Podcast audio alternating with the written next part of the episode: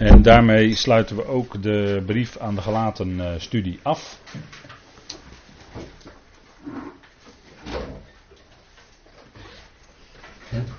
En dan uh, denk ik dat het goed is om uh, met elkaar te lezen zometeen. We zullen een stukje lezen in het laatste hoofdstuk, het laatste gedeelte. We zijn bezig met de laatste versen vanavond, vers 15 tot en met 18. En dan hopen wij daarmee deze studie te kunnen afsluiten. Goed, ik stel voor dat wij eerst beginnen met gebed. Vader, wij danken u dat we ook hier vanavond bij elkaar mogen zijn. Dank u wel dat we dat weer doen met die gelaten brief in ons midden, die ons zoveel heeft gebracht, Vader. De genade van u, de genade van Christus Jezus, zo rijk uitgestald en zo duidelijk de verschillen. Vader, dank u wel dat we graag willen blijven bij die genade die u ons bekendgemaakt heeft. Beseffen dat we in genade leven en door genade geroepen zijn. En dat is ook het slotwoord van uw plan van Eone, Vader. Dat zal genade zijn. Genade voor iedereen. Dank u wel voor die boodschap die we mogen kennen. Dank u wel dat u zo'n groot God bent. Dat u onze Vader bent. Dat we tegen u Abba mogen zeggen. Dank u wel dat u ons vanavond ook wilt voeden en koesteren door dat woord. Wilt u ons opbouwen? Geeft u wijsheid van woorden, vrijmoedigheid. En Vader mag het overkomen. Wilt u ons hart openen en door uw geest aanspreken. Dank u wel dat we mogen bidden, Heer, daarvoor. En bovenal dat het mag zijn tot lof en eer van uw naam. Heer, we danken u voor ieder die er is vanavond. Voor ook degene die er niet bij kunnen zijn, helaas, willen we ook bidden. Vader, wees ook hen erbij op de plek waar ze zijn. Dank u wel dat u ons ieders omstandigheden kent. En dank u wel dat we zo vast geborgen zijn in uw liefde, Heer. We u daarvoor in de machtige naam van uw geliefde Zoon. Amen. Goed, ik wilde graag met u lezen dan die versen uit uh, Galaten hoofdstuk 6. En dan lees ik met u vanaf vers 14 tot en met vers 18. En dan schrijft de apostel: Mogen het mij echter niet gebeuren mij te beroemen, tenzij in het kruis van onze Heer Jezus Christus, waardoor de wereld voor mij gekruisigd is, en ik voor de wereld. Want in Christus Jezus is nog besnijdenis iets, nog vooruit, maar een nieuwe schepping.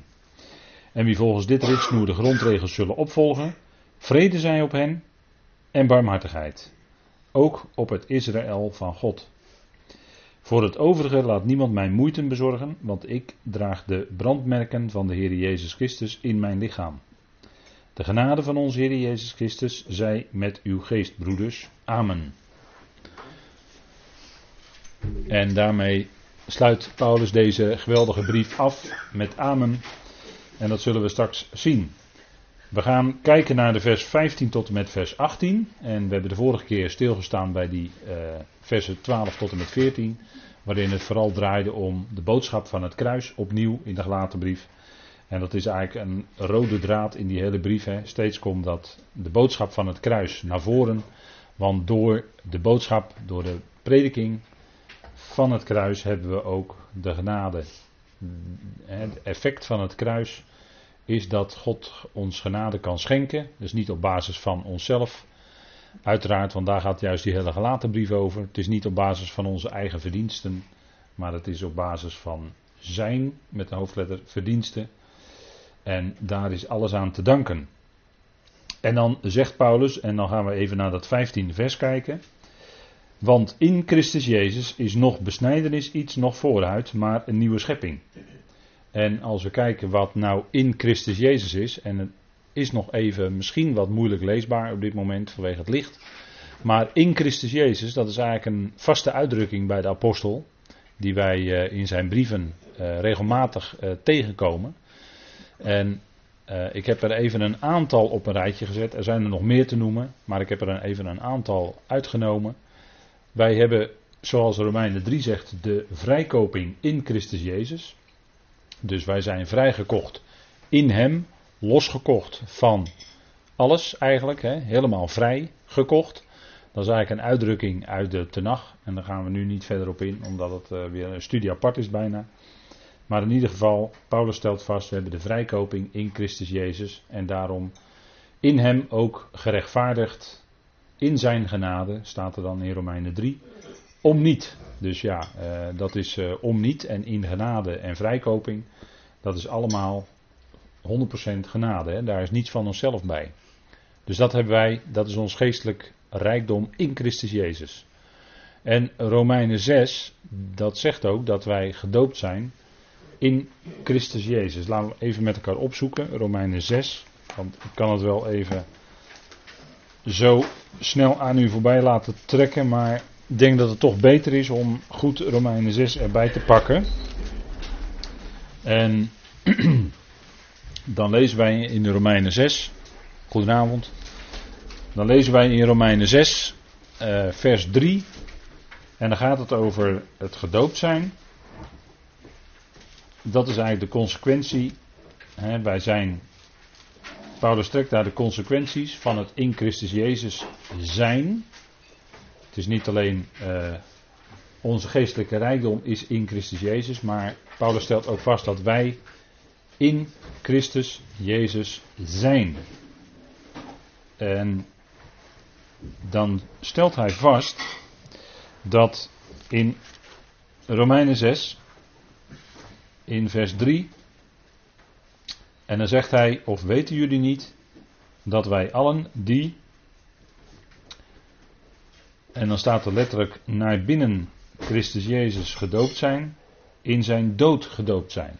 Want als wij naar binnen in hem gedoopt zijn, Christus is ook de gezalfde, de geest, en we zijn ook in geest, hè, in geest zijn wij gedoopt, hè, zegt 1 Corinthië 12. En wij zijn naar binnen in Christus Jezus gedoopt. Dat is een geestelijke waarheid. Dat is niet in water, maar dat is in geest. En het feit dat wij in geest gedoopt zijn, dat houdt automatisch in dat wij dan ook naar binnen in Christus Jezus gedoopt zijn. Dus dat is onze plaats. En het resultaat daarvan is dat wij in Christus Jezus zijn. Dus de beweging is dat wij naar binnen in Christus Jezus gedoopt zijn, of gedoopt werden. Het is een wat moeilijke vorm van het woord dopen hier. Maar eh, eigenlijk moet je dan dat zo vertalen, dat wij naar binnen in Christus Jezus gedoopt werden en zo in zijn dood gedoopt zijn. Dat wil zeggen, wij zijn mede inbegrepen in zijn dood. Hè? Dat is het effect van het kruis. En dat wil dus zeggen dat wij ook tezamen met hem, en dat stelt Paulus dan een paar versen verderop vast, dat wij ook gezamenlijk met hem gekruisigd zijn. Voor wat betreft onze oude mens. Hè? Hij is naar zijn oude mens. Dat klinkt misschien wel vreemd, maar toch is dat zo. Hij heeft in zijn uh, oude mens zijn, en dat moeten we niet verkeerd opvatten, is hij gekruisigd. En wat uit het graf kwam was die nieuwe mens en daar tegelijkertijd ook de nieuwe mensheid, waartoe in feite alle mensen behoren. Alleen wij zijn ons dat als eersten bewust. Dus dat is ook in Christus Jezus. Hè? En dan hebben we eonisch leven, dat is ook Romeinen 6. Daar zijn we nu toch, dus dat kunnen we gelijk even meelezen. Romeinen 6, vers 23. Want het loon van de zonde, hè, dat is eigenlijk eh, ja, het loon van de zonde, is dood, maar genadegave van God is eonisch leven. En dan staat er eigenlijk in Christus Jezus onze Heer. In, in mijn vertaling staat hier door Christus Jezus, maar het is eigenlijk, of door Jezus Christus, maar het is eigenlijk in Christus Jezus, onze Heer, hebben wij eonisch leven. En dat hoeven wij niet te verdienen, wij hoeven het ook niet vast te houden in onze wandel. Wij hebben dat. Dat is ons geestelijk bezit. Ook dat is genade. Dan in Romeinen 8, vers 1. Ook die wil ik even meenemen. Dan staan die bekende woorden daar. En dat is heel goed voor je wandel. Als je dat beseft elke keer. Er is dan geen veroordeling voor hen die in Christus Jezus zijn. We hebben net gelezen in Romeinen 6 dat wij naar binnen in Christus Jezus gedoopt werden. Maar het resultaat daarvan is dus dat wij in Christus Jezus zijn. En voor degenen die in Christus Jezus zijn, is er geen veroordeling. Dus dan, wij staan buiten elke mogelijkheid van veroordeling. En dat, dat zou ons goed Dat zou steeds goed tot ons doordringen. Hè, dat wij dus niet ehm, veroordeeld meer kunnen worden. Dat, kan, dat is onmogelijk. En in Christus Jezus is ook die wetmatigheid van de geest van het leven. Hè, Romeinen 8, vers 2. Want de wetmatigheid van de geest van het leven in Christus Jezus maakt mij vrij van de wetmatigheid van de zonde en de dood. En dat is zowel onze plaats, dat leven is onvervreemdbaar ons deel, maar het is ook iets wat ons in de praktijk van ons leven ons uh, als het ware opheft. Hè, die wetmatigheid heft ons op of uit die wetmatigheid van de zonde en van de dood. Dat leven, hè, dat nieuwe leven, dat ervaren wij in ons dagelijks leven. Wij beseffen dat, hè, we ervaren dat, dat we in Christus Jezus zijn. Nou, dat leven dat werkt in ons. En dan is ook Romeinen 8, dat is natuurlijk heel erg rijk. Maar ik kan er maar een paar tipjes even van meenemen voor u. Vers 35 van Romeinen 8. En dat is die liefde Gods. Hè, wat, wie of wat zal ons scheiden van de liefde Gods? Die is in Christus Jezus. Dat is onze geweldige plaats. Hè, in Christus Jezus is de liefde Gods. En ook wij zijn in Christus Jezus. Dus ja, dat is dan niet te missen. Hè. We zijn helemaal geborgen in die liefde van God die ons omringt, die ons draagt en waarvan niets ons kan scheiden. Nou, dat is altijd om je dat, goed om, dat, om je dat bewust te zijn. En uh, Gods liefde die stond aan het begin van zijn plan en Gods liefde staat ook aan het eind van zijn plan. En in het einde van het plan van God zit iedereen in die liefde, is iedereen in die liefde geborgen en is iedereen, heeft iedereen ook ervaring met die liefde uh, die liefde van God, die allen omvat. Hè. Zondag ging het even over, er is plaats bij God, hè. er is plaats in Hem, voor u, voor jou, voor mij, voor ieder. Zijn hart is groot genoeg en dat is liefde. Bij Hem is er dat stukje ruimte voor jou, voor jou persoonlijk. Jij hoort er helemaal bij, bij God. In God zou je zelfs kunnen zeggen. En dat is die liefde van God die naar ieder uitgaat en als vrucht van het werk van Christus, tot en met de dood van het kruis, als vrucht daarvan, zal uiteindelijk ieder geborgen zijn, zich geborgen weten in die geweldige, alomvattende liefde van God die wij niet kunnen peilen. We kunnen er iets van verstaan, omdat we daar zelf iets van ervaren hebben in ons leven. Maar die liefde van God, dat is uiteraard de onderstroom van al Gods handelen. De liefde van God is het wat God doet bewegen om die mens door alle ervaringen heen te brengen tot zijn hart. En uh, dat is wat we nu, daarvan mogen wij nu al iets verstaan. Nou, dan in Efeze 2, vers 7, daar wordt ook iets gezegd over in Christus Jezus, over onze plaats. Dat wil ik dan ook even met u lezen. Efeze 2, vers 7. En ik besef wel dat we in, een beetje in sneltreinvaart deze dingen langslopen, maar de meeste dingen acht ik toch wel bij u bekend. Dat is één. En twee is dat we vanavond nog meer te bespreken hebben. Dus daarom ga ik toch even wat vlot er doorheen. Efeze 2, dat zijn die bekende woorden. En daar staat in vers 6. Hij wekt ons gezamenlijk op en zet ons gezamenlijk te midden van de hemelingen. In Christus Jezus. Daar heb je het weer, hè? We zijn in Christus Jezus, dat is onze plaats, geestelijk gezien, en dat is nu al boven. Hè? Wij zijn nu al gezet in de hemel, in Christus Jezus, te midden van de hemelingen. Dat is nu al onze plaats en dat is ook onze toekomst. onze toekomst is ook daar. Want dat staat in vers 7. Opdat Hij, dat is uh, God, in de komende eonen tentoon zal spreiden de overstijgende rijkdom van Zijn genade in Zijn mildheid voor ons in Christus Jezus. Heb je hem nog een keer. En dat is dus onze toekomst. God die zal ons als gemeente, hè, als voltallige gemeente dan op dat moment, en wij zijn enkele leden, slechts enkele leden daarvan, maar God zal onze als voltallige gemeente, het hele lichaam van Christus, zal tentoonspreiden die geweldige rijkdom van zijn genade. Aan wie? Nou, dat kan niet anders zijn dan aan de hemelingen, want dat zegt vers 6. We zijn geplaatst te midden van de hemelingen en als wij die heerlijkheid en die liefde en die genade en die mildheid tonen, als God dat door ons heen doet, dan kan het niet anders, dan moet dat zijn aan de hemelse machten en krachten die daar uh, zich bevinden en die nu in de lucht zijn. Hè, en, uh, maar wij zijn daar al in de geest al geplaatst. Dat is onze positie, onze plaats. En dat zal God dan in de komende eonen werkelijkheid maken. En dan hebben we nog een tekst, dat is een heel bekend, 2 Timotheus 1. Dat gaat over de genade in Christus Jezus. En dat wil ik toch ook even dan noemen, want u zegt ja, genade in Christus Jezus, ja dat is bekend. Maar 2 Timotheus 1 zegt daar toch iets bijzonders van. Daarom wil ik het toch met u lezen, opdat u dat weer even opnieuw voor ogen heeft staan. 2 Timotheus 1 vers 9. En er staat, daar gaat het over de kracht van God, die ons redt. 2 Timotheus 1 vers 9. Die ons redt en roept met een heilige roeping niet in overeenstemming met onze werken.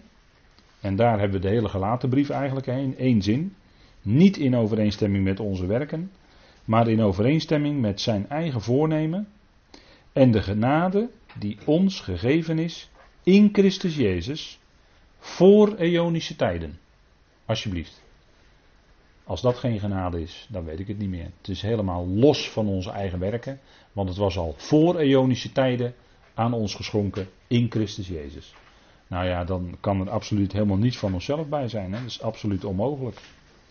dus die genade is ons geschonken voor eonische tijden. En we hebben net gelezen dat het de bedoeling heeft dat wij in de komende eonen, dat God ons gebruikt, te midden van de hemelingen, om een tentoonspreiding te zijn van zijn genade, de overstijgende rijkdom van zijn genade, in zijn mildheid voor ons in Christus Jezus. En dat had God dus al voor eonische tijden in zichzelf vastgelegd. En het is een kwestie van tijd dat het werkelijkheid wordt. Nou, daar zitten we heel dichtbij, hè, die komende eonen.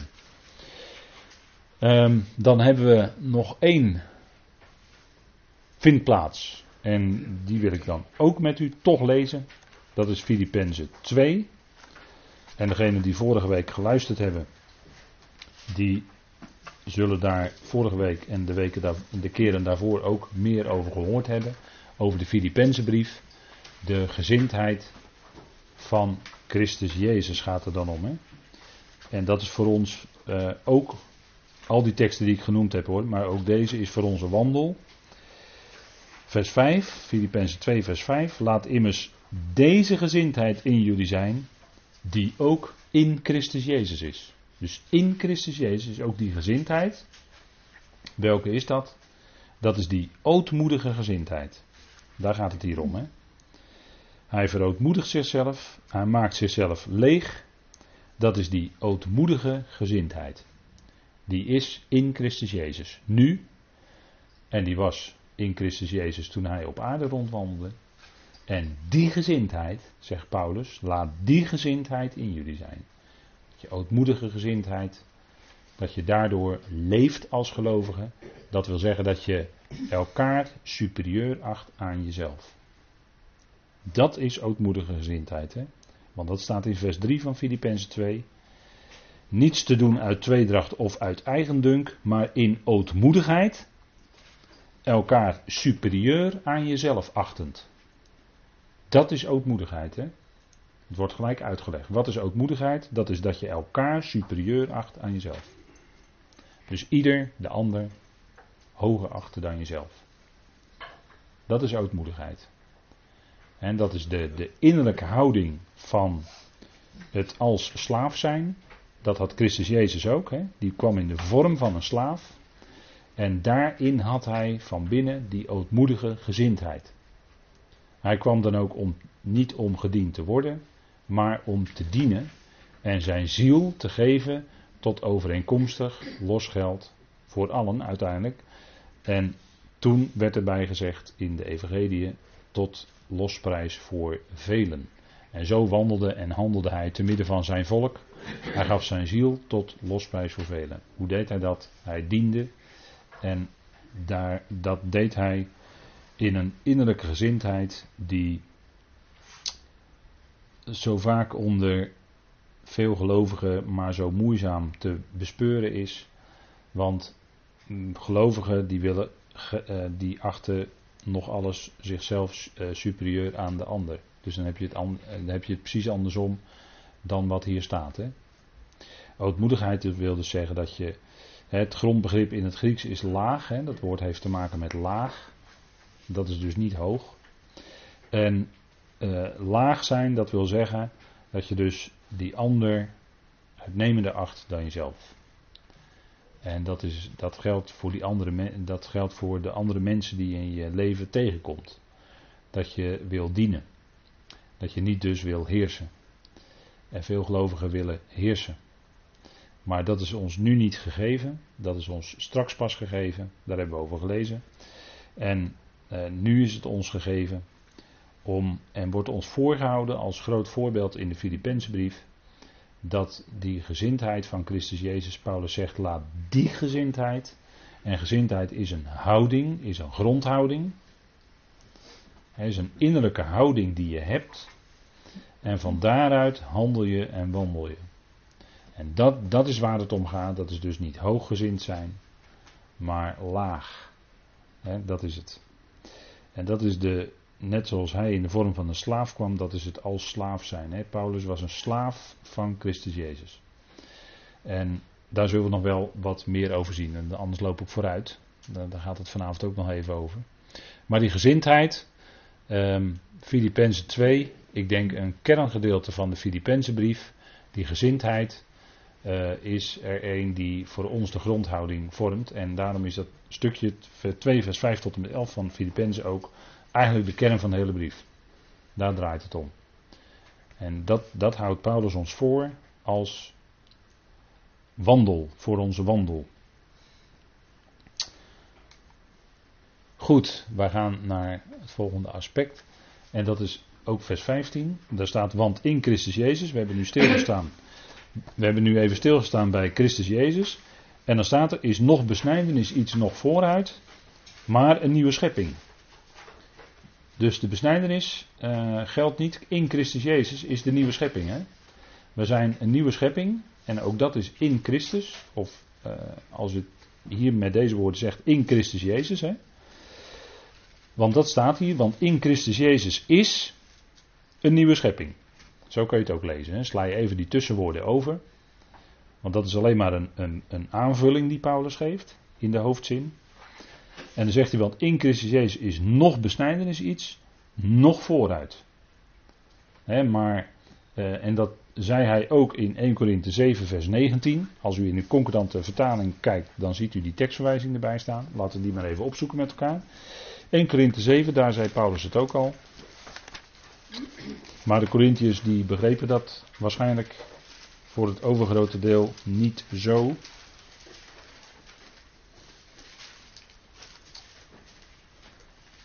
En in feite liep Paulus dan al vooruit toen hij dit schreef. Want in pas in de tweede Korinthebrief zou hij duidelijk gaan schrijven over de nieuwe schepping. Maar in, 7, in 1 Korinthe 7 vers 19 liep hij daar in feite al op vooruit. Alleen dat konden zij toen nog niet zo verstaan. En dan zegt hij, besneden zijn is niets. Besneden zijn is niets. En hij was zelf besneden, Paulus. En onbesneden zijn is niets. Dus uh, vooruit is niets. Maar het in acht nemen van de geboden van God.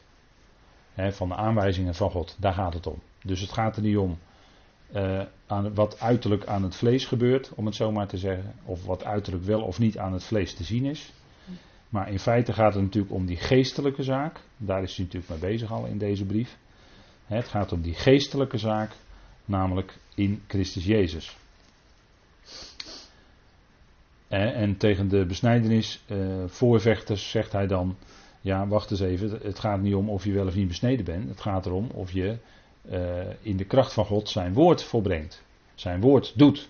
En dat is, was natuurlijk voor de, bes, de besnijdenis, Israël zelf, was het natuurlijk de aanwijzing. Zij waren besneden en dan moesten zij heel die Torah in acht nemen. En dat is wat Paulus hier aanhaalt in feite, hè, dat principe. Maar hij zegt daarbij tegelijkertijd, kijk waar het nou eigenlijk om gaat is dat die woorden van God, hè, dat dat zichtbaar wordt in mensenlevens. En het gaat er niet zozeer om wat nou uiterlijk aan het vlees te zien is. Hè. Het vlees is uh, de uiterlijke, het, alles wat te maken heeft met het uiterlijk, met het oude. En dat gaat voorbij, dat moet verdwijnen. En dat maakt hij duidelijk in die Korinthebrieven. En die, en die Corinthiërs, die waren maar heel traag om dat te begrijpen. En daarom zijn er ook twee van die hele lange brieven waar Paulus ook lange hoofdstukken aanschrijft, omdat hij veel woorden nodig heeft om deze geestelijke principes aan die Corinthiërs duidelijk te maken. En dan zegt hij, ja, besneden zijn is niets en onbesneden zijn is niets, maar het in acht nemen van de geboden van God. En in de tweede Korinthebrief, daar heeft hij het over de nieuwe schepping. Daar komen we nog op. Maar dat zegt hij hier natuurlijk in de gelaten brief ook. Hij zegt, kijk, het gaat om in Christus Jezus zijn, het gaat om die genade. En daarin is nog besnijdenis iets, nog vooruit, maar een nieuwe schepping. Dus hier zegt hij het al wat duidelijker dan bij die Corinthiërs. En dat is dan ook hè, wat in feite als de effect, het effect van, de, van het kruis hier klinkt. Hè, want uh, Paulus is al natuurlijk in het langere gedeelte bezig geweest met vlees en geest. Vlees en geest staan tegenover elkaar. En aan het kruis is dat vlees dus afgesneden geworden. En uh, dat is ook wat hij noemt in uh, Galaten 5, vers 24 bijvoorbeeld. daar zegt hij: Wie nu van Christus Jezus zijn, kruisigen het vlees, hè, dat staat er als een, als een feit, tezamen met de hartstochten en begeerten die in het vlees zitten en uit het vlees voortkomen. Maar Paulus zegt dat is aan het kruis afgesneden. En nu geldt het voor ons in de praktijk als gelovigen dat wij ook zo rekenen. En dat wij rekenen met het effect van het kruis in ons leven. En, en, en daardoor, als we daarmee rekenen in geloof, in de kracht van God, dan eh, kunnen wij eh, dat inderdaad laten voor wat het is en dat, dat vlees en die begeerte van het vlees daaraan voorbij gaan, dat negeren. dat volstrekt, maar dan ook volstrekt links laten liggen. En, en dat is in feite het effect van het kruis uh, in de praktijk van ons dagelijks leven. En dat is, dat is het punt, hè. En, en uh, uh, ook, ook dat vrome vlees, hè. Ook dat vrome vlees. Hè, dat vrome vlees kan misschien wel uh, graag willen vanuit zichzelf, hè, vanuit de mens zelf, een weg van heiliging, van levensheiliging te willen volgen. Maar ook dat vrome vlees, ja, dat is ook vlees en dat is ook mede gekruisigd. Dus daar kunnen we niet uit onszelf proberen uh, in een weg van heiliging verder te komen. Nee, uh, God werkt in ons uit en we kunnen in die kracht van de geest, kunnen wij inderdaad doen wat Paulus hier zegt in vers 24 het vlees kruisigen tezamen met de hartstochten en de begeerten. En dat kan alleen als die kracht van de geest krachtig in ons werkt. En als we dus ons voeden met de woorden van het geloof en van het onderricht wat Paulus geeft, want dat is het meest geestelijke onderricht. En daarin zit ook uh, de meest geestelijke kracht uh, die God in zijn woorden heeft medegedeeld, die we nodig hebben in ons dagelijks leven om ook zo te, daadwerkelijk te kunnen leven en ons niet te laten eh, afleiden naar links of naar rechts. En, en, en, Johannes zegt het ook. Eh, de, eh, in de wereld is al dat begeren. Maar de wereld gaat voorbij met al haar begeerten. En laten wij ons richten op de dingen van het woord. Laten wij ons richten op de dingen van God.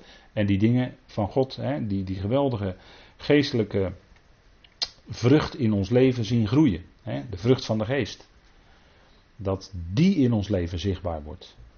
En uh, dat, is waar het, dat is waar het om gaat. Hè? Dus kijk wat Paulus hier zegt dan in vers, uh, vers 15 van Galaten 6, is er ook een stuk effect van het kruis. Hè? Het, het vlees is daar afgesneden. En als dat vlees afgesneden is, dan doet besneden zijn of onbesneden, dat doet er helemaal niet meer toe. Daar, daar in de schepping geldt dat, in de nieuwe schepping geldt dat niet. In de nieuwe schepping ben je daar volledig aan voorbij. En uh, daarom is dan ook uh, de verdeeldheid, hè, de verdeeldheid is in het vlees, maar in die nieuwe schepping is die verdeeldheid voorbij. En daarom zegt Paulus ook in de Efezebrief dat wij uitleven die eenheid van de geest. Dat kan nooit het vlees zijn. Die eenheid van de geest bewaren met de band van de vrede. En het kan alleen maar als uh, ons leven gebaseerd is op die werking, de uitwerking van het kruis. want dan, dan is dat oude afgesneden en dan is daar die nieuwe mens en die nieuwe mens uitleven. Daar gaat het om. Nou, dan ben je voorbij de verdeeldheid. Hè? En dat is wat Paulus in feite al aangaf aan de Corinthiërs ook. Een nieuwe schepping. Die oude mensheid, ik heb het al heel even genoemd aan de hand van Romeinen 6. Hè, die oude mensheid, of mens, is mede gekruisigd. En in de opstanding zien wij dus die nieuwe mens. Wat met Christus Jezus uit het graf komt, is die nieuwe schepping, is die nieuwe mens, die nieuwe mensheid. En daar mogen wij deel aan hebben. Dat is onze geweldige geestelijke plaats. En geboorte, elke geboorte in deze oude schepping is eigenlijk een type van de opstanding en de nieuwe schepping. Is nieuw leven.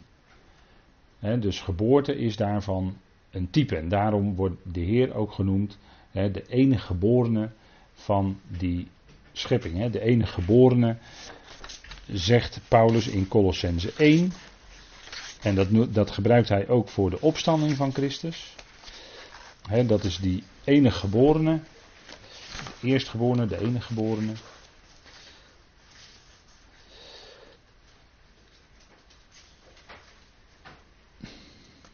Vers 18. Eh, er staat: Hij is het hoofd van het lichaam, de uitgeroepen gemeente. Colossense 1, vers 18. Die, en daar gaat het over Christus uiteraard. En hij is het hoofd van het lichaam, de uitgeroepen gemeente, die de soeverein is. De eerstgeborene uit de doden. Opdat hij in alles de eerste wordt. Dus je ziet dat het woord geboren of geworden, dat ligt in de grondtekst heel dicht bij elkaar. Uh, dat, dat geboren, dat is eigenlijk een type van dat die nieuwe schepping komt. En dat zijn ook de bewoordingen die Paulus daarvoor gebruikt in Romeinen 8. Hè. Die oude schepping, die zucht, die leidt weeën. En dat is opdat die nieuwe schepping moet komen. Dat is dat die oude schepping, die is er. En die moet er ook zijn. Opdat die nieuwe schepping daaruit, zou je kunnen zeggen, in zekere zin geboren wordt. Nou, en dat is eigenlijk het geweldige type van uh, wat, wat we zien dus in deze oude schepping. Je kunt het ook uh, prachtig zien als een, een rups een vlinder wordt. Nou, die rups die ziet er vaak aan de buitenkant niet uit. Maar kijk eens als die vlinder er is. Dan zie je geweldige kleuren. Dan zie je ook een vlinder die kan vliegen door, door de lucht. En eh, die is zo licht als een veertje. Nou, allemaal prachtige uitbeelding van de nieuwe schepping. En zo is het ook met het oude. Het oude voor ons is waar wij mee te maken hebben. Daar spreekt Romeinen 8 natuurlijk ook over. Die oude schepping is er een die vol zit met lijden, weeënlijden, lijden, moeite, zorg, ontberingen, spanningen, uh, noem alles maar op. Maar dat is er allemaal opdat uiteindelijk dat nieuwe zal komen, die nieuwe schepping, die heerlijkheid die gaat komen. En dat is wat ons steeds weer opbeurt en bemoedigt. Wat ons van binnen steeds weer vreugde geeft, ondanks de tranen en het lijden en het verdriet wat er nu is. En dat willen we nooit bagatelliseren, dat willen we nooit kleineren. Maar dat nieuwe wat gaat komen, daar mogen we ons innerlijk oog steeds op richten. En dan hebben we, ondanks dat er misschien tranen over ons gezicht lopen, hebben we toch van binnen in ons hart die diepe vreugde. Want het, we weten dat het zal leiden uiteindelijk toch tot heerlijkheid. En dat maakt onze dagen eh, net zo vol lijden als dat ze waren. Alleen uh, er is wel een verschil voor ons. Wij hebben dat uitzicht op heerlijkheid. We hebben de uitzicht op die vreugde van de nieuwe schepping. En die nieuwe schepping, dat zal oneindig zijn. Daar komt geen einde meer aan. En uh, dat is alleen eindeloze heerlijkheid. En die heerlijkheid is veel groter dan dat wij op dit moment kunnen beseffen. Maar we, we vermoeden er iets van. We beseffen er iets van. We mogen iets van die vreugde al smaken. En, en dat is wat ons op de been houdt en wat ons kracht geeft om verder te kunnen. Hè. Ik denk dat dat uh, bijzonder is. Die uh, zaken die zijn ons steeds nabij. Hè? Die, die dragen we met ons mee. Nou, in Christus Jezus een nieuwe schepping, hier heb je hem, die vlinder. En dat is wat Paulus mocht brengen, als geen ander. Paulus bracht de prediking, een nieuwe prediking, en die zou voortbrengen een nieuwe levenswandel. En de oorzaak daarvan is, hè, of het, de bron daarvan is de opstanding van Christus op de derde dag. Leven na de dood. Is er werkelijk leven na de dood? Ja, er is er eenmaal echt leven na de dood. En dat is voor ons, dat geldt voor ons ook al. Hè? Vandaag in de praktijk. En dan zegt Paulus ook in 2 Korinthe 5 vers 17, hè, die geweldige fijne woorden. Zo dan wanneer iemand in Christus is, die is een nieuwe schepping. Het oude is voorbij gegaan. Zie, het is alles nieuw geworden. En het kan best zijn dat je zo eens met de jaarwisseling, met oud opnieuw, dat je daar aan denkt. Ik denk daar dan vaak aan. Hè, tenminste, en dan hoor je al die knallen, maar dan denk je ja, maar het is uh, wel eigenlijk een prediking van oud naar nieuw. Van de oude naar de nieuwe schepping. En dat is eigenlijk heel Gods woord zit daar vol mee. Aan Israël was het al beloofd. Ze hadden eerst het oude verbond, maar het, oude, het woord oude wil al zeggen dat er een nieuw zal komen. En het oude verbond moet plaatsmaken voor het nieuwe verbond. En het kan pas na de opstanding van Christus zo zijn. En het kan pas voor Israël zo zijn in de toekomst. Maar het is wel, het gaat van oud naar nieuw. De oude schepping, dat wordt een nieuwe schepping. Wij zijn nog behept met ons oude lichaam, maar dat zal vernieuwd worden.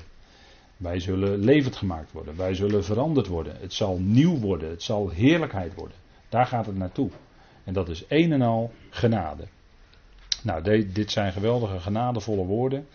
en het oude is voorbij gegaan. Het is alles nieuw geworden. En dat heeft hele grote consequenties voor, ook voor ons leven en voor, ons, uh, voor onze diepe overtuiging. Het is een nieuwe prediking. Hè, net zoals zo'n zo'n prachtige vlinder uit zo'n rups is gekomen.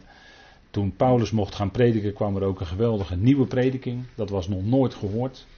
Nog nooit hadden mensen deze woorden gehoord die Paulus mocht prediken. En dat is uh, een, een, rijkdom aan heerlijkheid ja, die je maar nauwelijks kan beseffen. In Christus Jezus is nog besnijderis, nog vooruit. Nee, en daarom is de consequentie voor ons, en dat is wat 2 Korinthe ook zegt, wij kennen van nu aan niemand naar het vlees en zo wij al Christus naar het vlees gekend hebben, nu niet meer. En dat gaat dus heel ver, hè.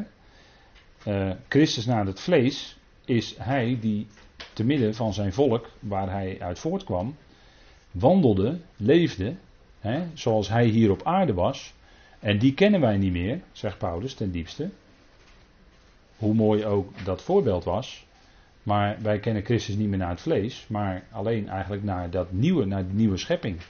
wij richten ons dan ook op Hem die boven is, dat is Christus, de verheerlijkte. We richten ons niet meer op de aardse dingen, maar we richten op de dingen die boven zijn. En dat geldt ook voor, de, voor een prediking. Wij richten ons niet op het evangelie van de besnijdenis, maar we richten ons op het evangelie van de voorhuid, wat Paulus mocht prediken. En dan zit ik weer terug in Gelaten 2. En dit, dit, dit, dit, heeft dus grote consequenties. Wij kennen van nu aan niemand naar het vlees. Dus wij kennen elkaar niet naar het vlees, maar we kennen elkaar als gelovigen. Wij kennen elkaar naar de geest. En niet naar het vlees. En zo rekent God ook met ons. Die rekent met ons dat wij in Christus zijn. En zo zijn wij volkomen onbeschuldigbaar. Volkomen niet te veroordelen. Uh, dat is absoluut onmogelijk. En zo rekent God met ons. En in de praktijk gaat hij met ons door allerlei ervaringen heen. Gaat hij met, door, met ons door allerlei zaken heen, om het zo maar te zeggen, om het zo maar samen te vatten. En uh, die moeite die we dan ervaren, hij weet ervan. Want de Heer is zelf behept geweest met zwakheden, weet wat het is, wat mensen doormaken. En zo kunnen we bij Hem terecht op momenten dat het moeilijk is, dat het zwaar is. En die momenten die zijn er. Er zijn momenten van lijden, er zijn momenten dat het moeilijk is eh, onderling tussen gelovigen. Dat het soms moeizaam gaat, soms heel moeizaam.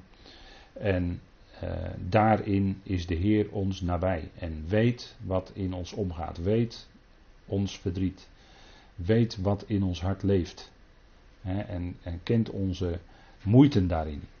Daarin gaat hij mee. Hè. Dat, als we zeggen dat God rekent met dat nieuwe, met die nieuwe schepping, wil niet zeggen dat God ver afstaat van onze dagelijkse ervaringen. Nee, in tegendeel, in tegendeel. We kunnen alles met gebed en smeking bij hem bekendmaken. En dan beseffen, Vader, u weet ervan. En ook in dat besef van Vader, dat wat gebeurt, het gaat niet buiten u om. Maar u zal het uiteindelijk doen meewerken tot het goede. Dat, dat is niet makkelijk. Hè? Dat kun je wel, ik kan het wel nu zo snel zeggen, maar dat is niet makkelijk. Als het, als het in het leven er omspant, als het erop aankomt, als er moeilijke momenten zijn. Maar het is wel zo dat die weg het is die uh, vrede van God bezorgt in je hart, zodat je gedachten niet met je op de loop gaan. En dat je tot rust komt van binnen, omdat je alles met vader kan bespreken. En misschien kun je alleen maar op momenten zeggen, Abba, vader. Maar dan weet vader wat in je hart is. En dan hoort hij je. En dan is hij troostend nabij. En dan vertroost hij met deze woorden die we vanavond al met elkaar hebben besproken. Met de troost van de uitzicht op de nieuwe schepping. Troost van die dag van de opstanding die voor alle gelovigen zal komen. Bij de bazuin. En daarna voor die andere groepen. Maar die dagen die komen wel. En dat is die belofte die we hebben. En daar kunnen we op leven. Net zoals een Abraham daarop leefde, kunnen wij erop leven, op die beloften van God. Wat ons troost in ons verdriet. Dat laat de Heer niet koud, in tegendeel. In tegendeel. Hij is zo betrokken bij ons leven. En wij mensen, ja, wij schieten daarin tekort. Absoluut. En dat ben je soms pijnlijk bewust als je daarmee geconfronteerd wordt. Maar daarin schiet het tekort, zeker. Pijnlijk tekort, soms. Maar God niet. God geeft zijn troosting, zijn mededogen, betoont zijn barmhartigheid. Op momenten dat het, dat het in ons leven erop aankomt, dan is Hij altijd erbij en Hij kan troosten als geen ander. En ik hoop en bid dat u dat ook ervaart en kent. Want dat is een troost, dat is zo onschatbaar rijk als je daardoor getroost wordt door God zelf. Dat is zo onschatbaar, van zo'n onschatbare waarde. Dat, dat is met geen pen te beschrijven eigenlijk. Hè? Maar Hij draagt ons in ons leven. En Hij staat niet ver weg. Absoluut niet. En heeft ons overladen met zo ongelooflijk veel genade en heerlijkheid. Daar kunnen we hem dagelijks voor danken. En, en, soms zijn er al die dingen, die beslommeringen, die ons het zicht daarop ontnemen. Of je bent het even kwijt. En laat je daarom weer opnieuw voeden met dat geweldige rijke woord. Hè, met die genade van Christus Jezus. Nou, daar, daar gaat het om. Maar dus die nieuwe schepping, hè, dat is niet zomaar een loze kreet, maar dat is een geweldige belofte. God maakt het waar. En we, we hebben daar al in feite al deel aan. Hè, maar we zouden dat meer mogen beseffen. En wie volgens dit richtsnoer de grondregels volgen, we gaan naar het volgende vers. En wie volgens dit richtsnoer de grondregels volgen. En wat is dit richtsnoer? Dit richtsnoer. Dat is wat in vers 12 tot en met 14 geklonken heeft, het kruis. Want zo'n los vers, hè, dan, dan, kun je ineens het zicht verliezen op de context. Hè. Dan zeg je, nou, wat is nou dit richtsnoer? En wat, uh, hè, wat zijn nou die grondregels? Nou, kijk naar de context, dan gaat het om het kruis. Hè. Dat is al een tijdje uh, spreekt dat. Hè? En uh, een uitlegger die zegt dan ook zo mooi: het kruis, uh, het kruis bestrijkt hier in feite die hele context. Hè? Dus het gaat om die versen 12 tot en met 14, waarin dat twee keer klinkt. En die, dat, die boodschap van het kruis, die overstraalt eigenlijk die context hier. En zo ook vers 16. Hè, wie volgens dit richtsnoer. Nou, dat is die prediking van het kruis. Hè, dat wij alleen roemen in dat kruis. Waardoor de wereld voor mij gekruisigd is en ik voor de wereld. en dat was voor Paulus, uh, dat heeft een uh, goede uitlegger ook eens het heel treffend opgemerkt. Dat was voor Paulus die wereld van het judaïsme, waar die uit vandaan kwam. Maar die is ook meegegaan aan het kruis. Net als de hele rest van de wereld. En wat, wat wil dat dan zeggen? Dat wil zeggen dat die hele wereld geen aantrekkingskracht meer uitoefent op ons als gelovigen. dat is eigenlijk wat je beleidt als je met Paulus hier, waardoor de wereld voor mij gekruisigd is en ik voor de wereld. dus dan kun je zeggen tussen ons en de wereld, of tussen mij en de wereld, of tussen de wereld en mij staat het kruis. En dat snijdt het af. He, degenen die van Christus Jezus zijn, kruisigen het vlees. En ehm, daarmee uh, gaan wij dan ook niet mee. Hè? Dan, dan, dan ga je ook niet mee en dan wil je ook niet mee met die wereldse begeerten. Integendeel, de boodschap van het kruis die snijdt dat af. En zo wil je dan alleen nog maar roemen, alleen in het kruis van onze Heer Jezus Christus. Omdat je beseft, ja, ik ben samen met Christus gekruisigd. Hè? Dat is uh, dat je die oude schepping in feite voorbij bent. En daar heb ik daarnet al iets op de, deze dia staat met al de verdeeldheid of onvrede in het vlees. Nou, daar ben je dan in feite aan voorbij. Hè? Verdeeldheid, onvrede en, en al wat met het vlees te maken heeft. In feite ben je eraan voorbij.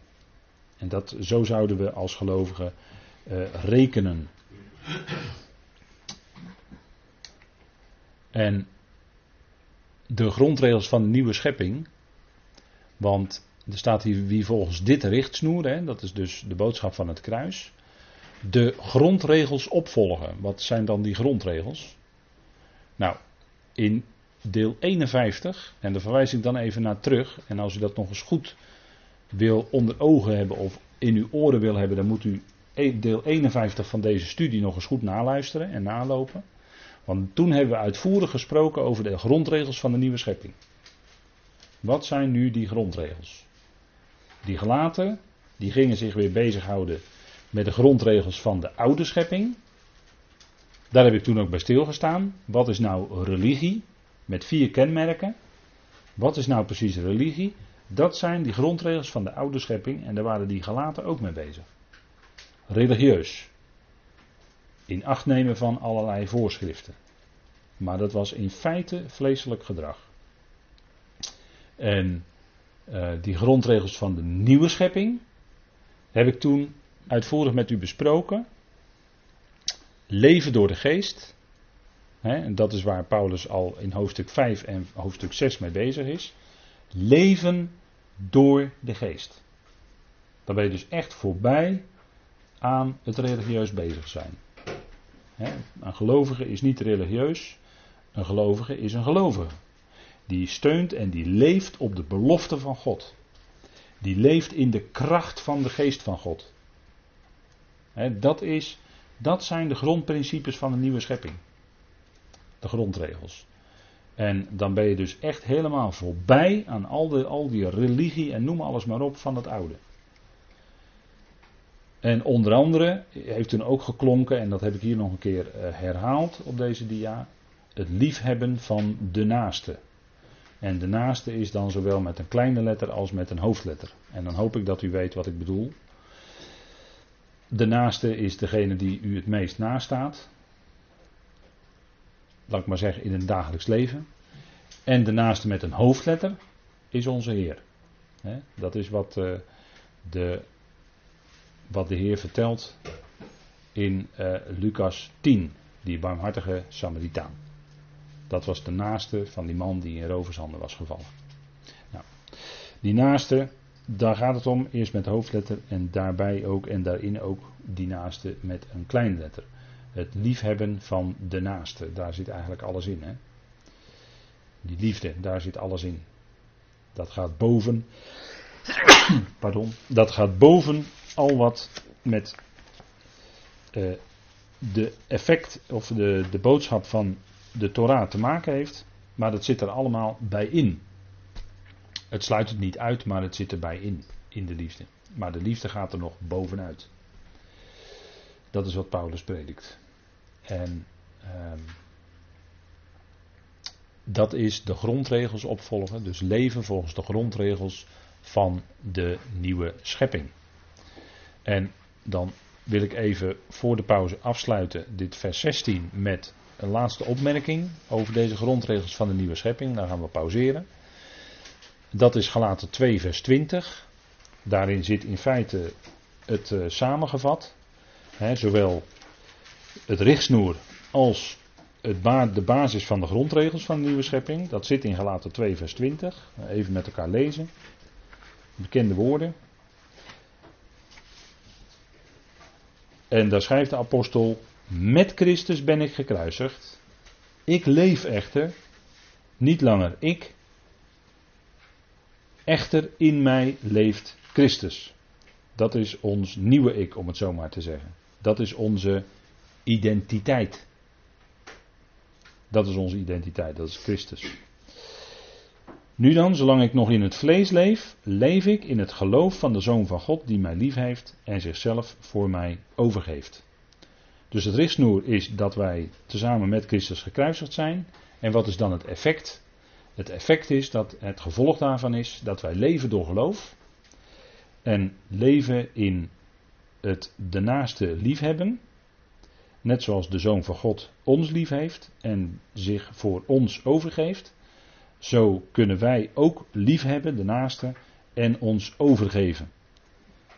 Allereerst aan God en daarnaast ons leven ten dienste stellen van die ander.